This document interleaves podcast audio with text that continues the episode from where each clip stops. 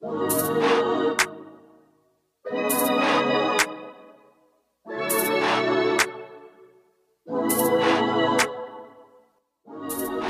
to Happiness Project. Bahasan seputar perspektif, pola pikir, dan kesehatan mental. With your host, Bandoro Gunarso. You are on the way of creating your own made happiness.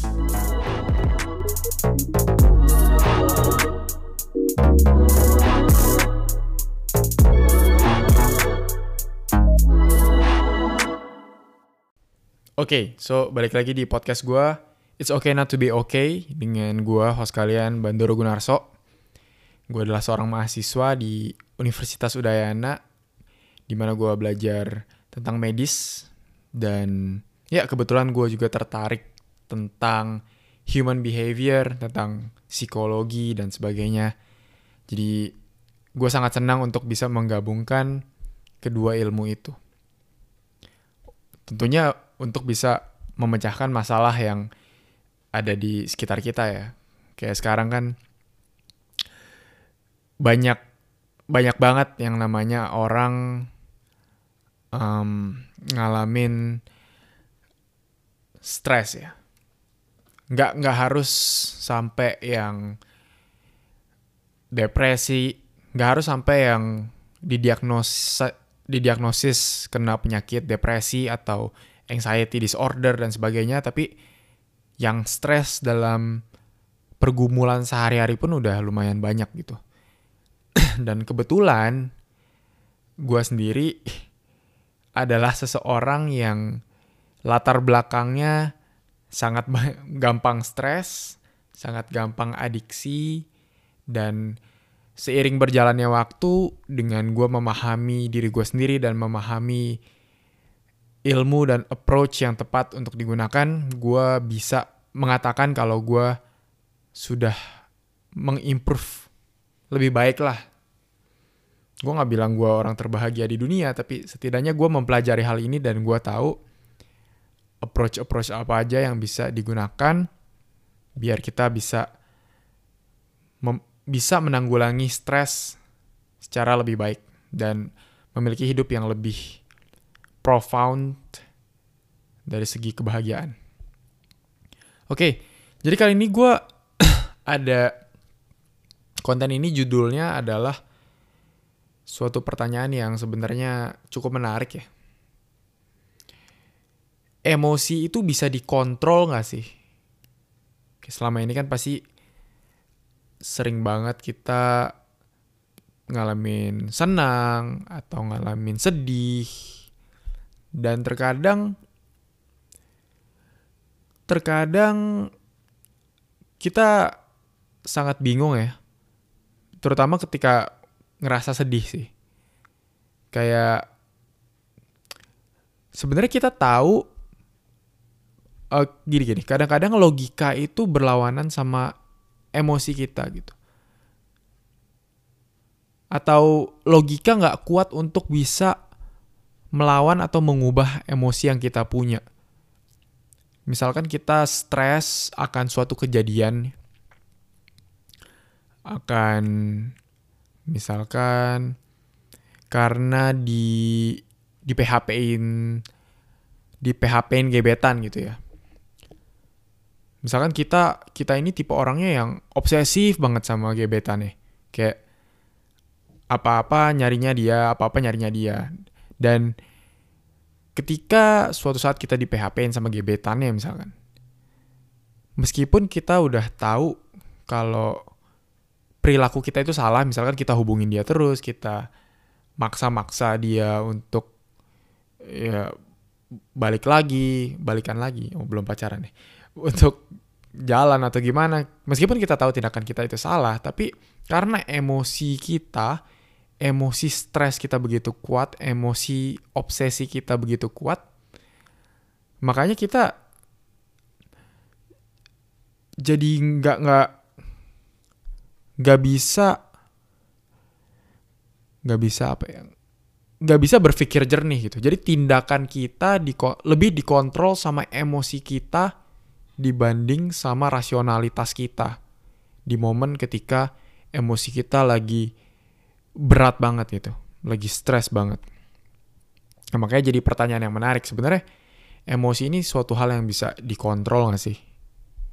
Karena kalau kita bisa mengontrol emosi, tentu saja itu akan jadi hal yang sangat luar biasa, sangat beneficial buat hidup kita sehari-hari gitu. Misalkan lu lagi stres, lagi sedih, lagi sange, atau lagi apa pun lah pokoknya. Kalau emosi kita bisa dikontrol, misalkan lagi sedih, lu bisa langsung kontrol jadi bahagia itu kan bakal mantep banget kan. Oke, jadi kali ini gue akan bahas tentang itu. Apakah emosi bisa dikontrol? Untuk mengetahui apakah emosi bisa dikontrol atau tidak, pertama-tama kita harus mengetahui dulu nih. Kita harus tahu komponen-komponen dari emosi itu apa aja. Oke, ketika kita udah tahu komponen dari emosi itu apa aja, kita bisa menentukan langkah konkret yang bisa kita lakuin untuk bisa mengontrol emosi kita ke arah yang kita mau. Oke? Nah, jadi uh, hal yang akan gue bahas ini bukanlah hal hasil perenungan gue sendiri aja, tapi udah ada basic scientificnya. Oke, okay? jadi gue ambil ambil hal yang akan gue omongin ini dari suatu buku yang namanya How Emotions Are Made.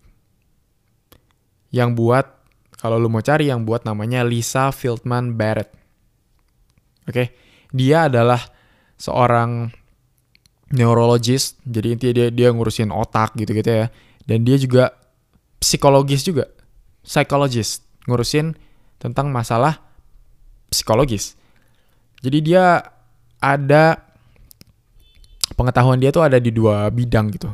Bidang yang secara biologis yaitu ngurusin otak dan juga bidang secara sosial gitu, psikologinya. Nah, makanya dia bisa membuat buku yang namanya How Emotions Are Made. Jadi ini bukunya cukup revolusioner ya, gue bisa bilang karena dia dia me, me apa ngebreak teori-teori sebelumnya ya. Dan dia ilmuwan yang sangat legit menurut gue pribadi. Dan penjelasan di bukunya itu sangat rasional. Oke, tapi gue nggak akan promosi bukunya di sini. Kali ini gue akan bahas apa yang dia omongin di bukunya. Oke. Nah, sekarang apa yang gue omongin ini adalah hasil simplifikasi dari buku tersebut. Oke, karena nggak mungkin gue menjelaskan buku yang kalau yang dibaca tuh bisa berhari-hari, berminggu-minggu dalam podcast yang sebentar. Jadi gue akan buat ini simple, gue akan buat ini mudah dimengerti. Oke, dan istilahnya akan gue mudahkan. Oke? So, komponen dari emosi itu apa aja? Jadi, emosi kita, entah sedih, entah marah, entah senang, entah kesel, entah malu, itu adalah sebuah konsep. Oke? Okay? Jadi gini, emosi, camkan ini baik-baik ya. Emosi, semua yang kita kenal dengan nama emosi, sedih, senang, malu, itu adalah sebuah konsep. Oke? Okay? Sama kayak lu lagi bela belajar apa ya? Belajar fisika kan lu ada konsep. Lagi belajar mat kan ada konsep. Sama emosi juga konsep Oke. Okay? Jadi konsep yang terbentuk di otak kita. Di pikiran kita yang di mana kita terbentuk dia terbentuk dari experience kita dari kecil, dari didikan orang tua dan dari pergaulan dan sebagainya macamnya. Oke? Okay? Intinya dia sebuah konsep yang udah terbentuk di pikiran kita. Gitu. Nah, emosi itu sendiri secara general terdiri dari dua komponen. Oke, jadi ketika dua komponen ini ada, emosi akan terbentuk. Oke, komponen pertama adalah afek. Apa sih afek? Nah, sabar. Intinya, afek ini adalah kondisi atau sensasi yang paling natural yang lu bisa rasakan di badan lu saat lu merasakan suatu emosi. Secara garis besar, afek bisa dibagi jadi dua, yaitu nyaman dan gak nyaman. Oke? Okay? Nyaman dan gak nyaman. Contohnya, pas lu senang. Ketika lu senang, lu dapat apa hadiah iPad atau enggak lu dicium sama dicium sama nyokap pas kecil gitu ya akan muncul suatu afek di badan lu, di badan kita, akan suatu muncul muncul suatu afek di badan kita yang sifatnya nyaman gitu. Jadi lu bisa ngerasain nih. Nyaman aja rasanya. Kayak entah habis dicium, entah habis dapat hadiah atau habis uh, dapat nilai bagus di sekolahan atau dapat pacar dan sebagainya. Kalau lu beneran perhatiin di badan kita itu ketika kita mendapatkan suatu hal tersebut, kita merasakan suatu hal yang namanya pleasantness atau suatu perasaan nyaman. Itu sensasinya bisa dirasain di badan. Itu namanya afek. Kebalikan dengan kalau kita misalkan lagi marah sama orang, lagi malu, lagi kesel sama orang. Kalau beneran kita perhatiin, di badan kita itu ada suatu sensasi yang namanya unpleasantness atau ketidaknyamanan. Nah, ini adalah sensasi yang paling natural dari emosi. Jadi bisa dibagi dua aja, pleasant dan unpleasant. Oke? Itu afek. Tadi komponen pertama afek. Nah, komponen kedua dari emosi adalah konteks. Oke? Jadi untuk merasakan emosi senang, sedih, malu, uh, humor atau apa pun itu, selain kita punya afek, punya perasa, punya rasa sensasi nyaman dan gak nyaman, kita juga butuh konteks. Nah, konteksnya inilah yang membuat afek tadi bisa jadi emosi yang berbeda.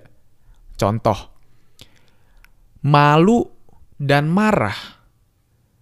Afeknya itu sama-sama unpleasant, sama-sama nggak nyaman dia rasanya. Ya. Yeah malu dan marah sama-sama nggak nyaman. Nah, tapi kan dua itu adalah emosi yang berbeda. Kayak rasanya beda aja gitu kalau lu lagi malu dan lu lagi marah. Tapi tubuh lu sama-sama nggak nyaman. Kenapa bisa beda? Karena konteksnya berbeda. Oke, jadi misalkan pas marah, lu marah kalau apa misalkan? Kalau lu lagi kalau lu lagi makan, misalkan makan apa? Makan Indomie temen lu yang kan banyak tuh temen biasanya suka celamitan ya, suka minta-minta. Nah Indomie lu dimakan tuh, dimakanin sama dia tapi lu awalnya ngasih tapi ini orang nggak tahu diri, ngambilnya banyak banget gitu. Itu kan lu bakal marah gitu. Atau enggak, kalau lu suka kuning telur yang setengah mateng, misalkan kuning telur setengah matangnya dipecahin sama temen lu, di atau enggak dimakan sama dia, itu kan lu jadi marah kan. Jadi pas temen lu ngelakuin itu ke lu, akan muncul perasaan unpleasant, afek yang gak nyaman. Dengan konteks itu, muncullah emosi marah. Tapi beda kalau malu.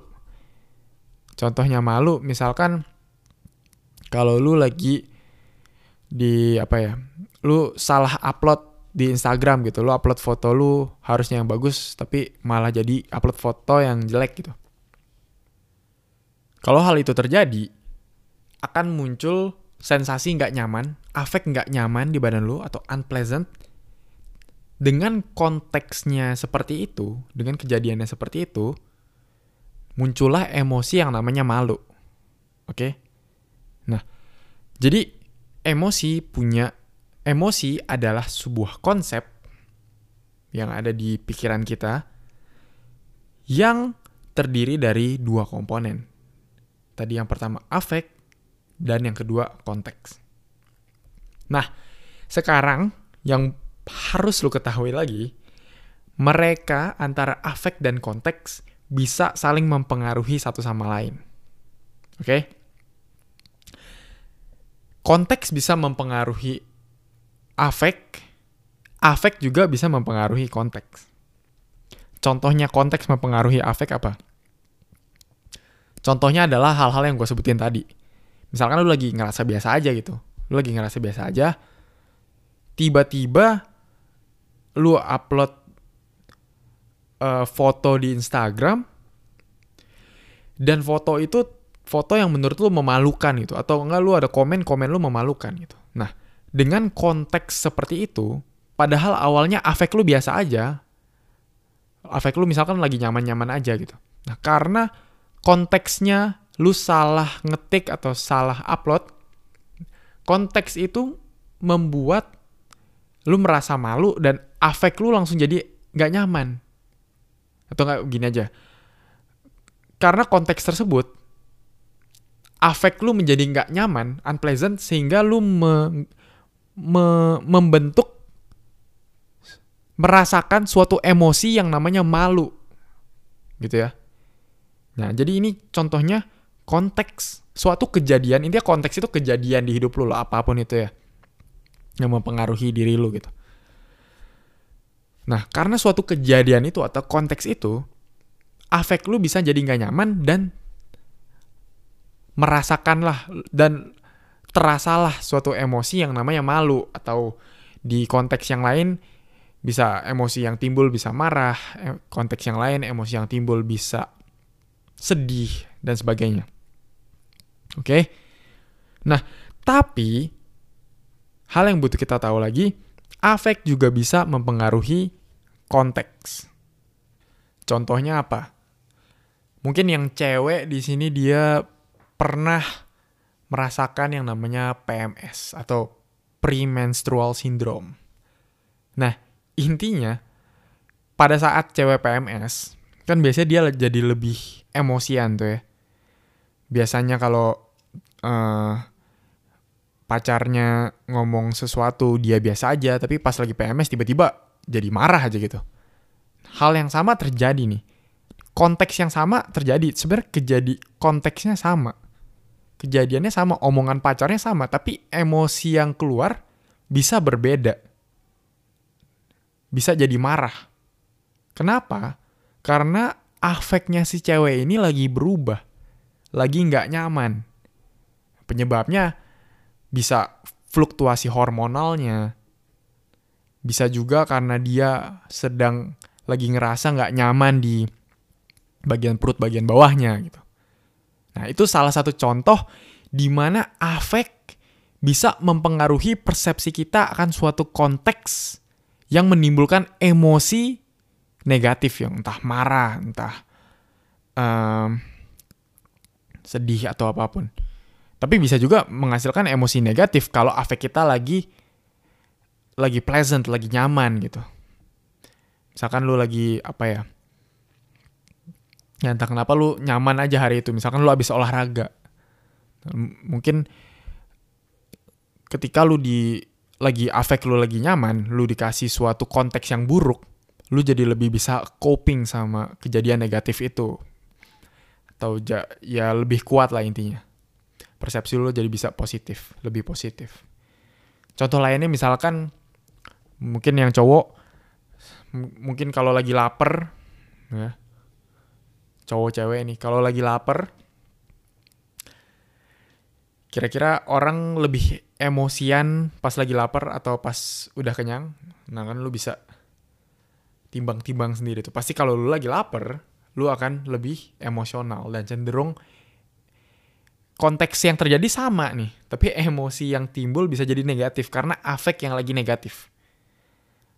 Contohnya di buku di buku si Lisa Feldman Barrett ini ada penelitian di suatu negara gitu ya, di mana dia ngecek keputusan-keputusan hakim tentang orang-orang yang jadi hakim kan nentuin orang masuk tindak pidana atau enggak ya. Nah, jadi setelah dilakuin penelitian, ternyata ditemuin kalau si hakimnya ini lebih banyak meletakkan orang dalam hukuman ketika sidangnya itu dilakuin sebelum jam makan siang. Jadi pas lagi lapar-laparnya gitu. Sedangkan kalau dilakuin setelah makan siang, lebih kebanyakan tindak pidananya ini jadi di diamankan, di di parol istilahnya. Jadi gitu, sampai segitunya bisa bisa pengaruh gitu. Jadi afek kita bisa mempengaruhi emosi yang timbul. Oke. Nah, jadi kan lu udah tahu tentang komponen-komponen apa aja yang membentuk suatu emosi. Oke. Sekarang pertanyaan ultimate-nya adalah apakah hal ini bisa dikontrol? Apakah emosi ini bisa dikontrol? Nah, untuk menjawab hal itu, gue akan men- biar nggak kelamaan di satu podcast, gue akan ngebahas hal itu di podcast sesi selanjutnya. Oke? Okay? Keep listening.